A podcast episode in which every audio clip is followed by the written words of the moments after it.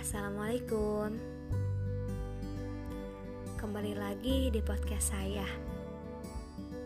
Maaf ya, baru menyempatkan lagi. Kita akan bercerita mengenai kehilangan.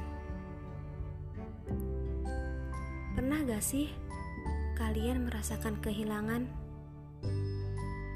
Entah itu kehilangan orang tersayang, kehilangan teman terdekat kalian, kehilangan mimpi-mimpi kalian, dan sebagainya.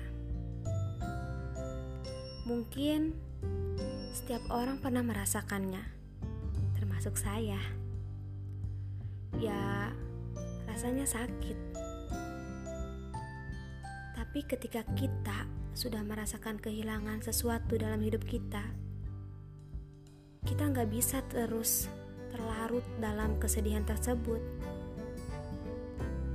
karena kita tahu banyak orang-orang di luar sana yang selalu mendukung kita, mensupport kita, dan memberikan kita kesabaran.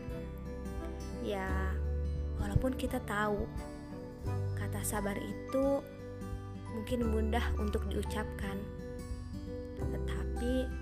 sulit untuk dijalankan. Tetapi dalam kehilangan, kita bisa mendapatkan pelajaran dalam hidup kita. Entah itu menjadikan kita manusia yang lebih ikhlas atas segala yang terjadi pada diri kita. Sekian, dan selamat malam.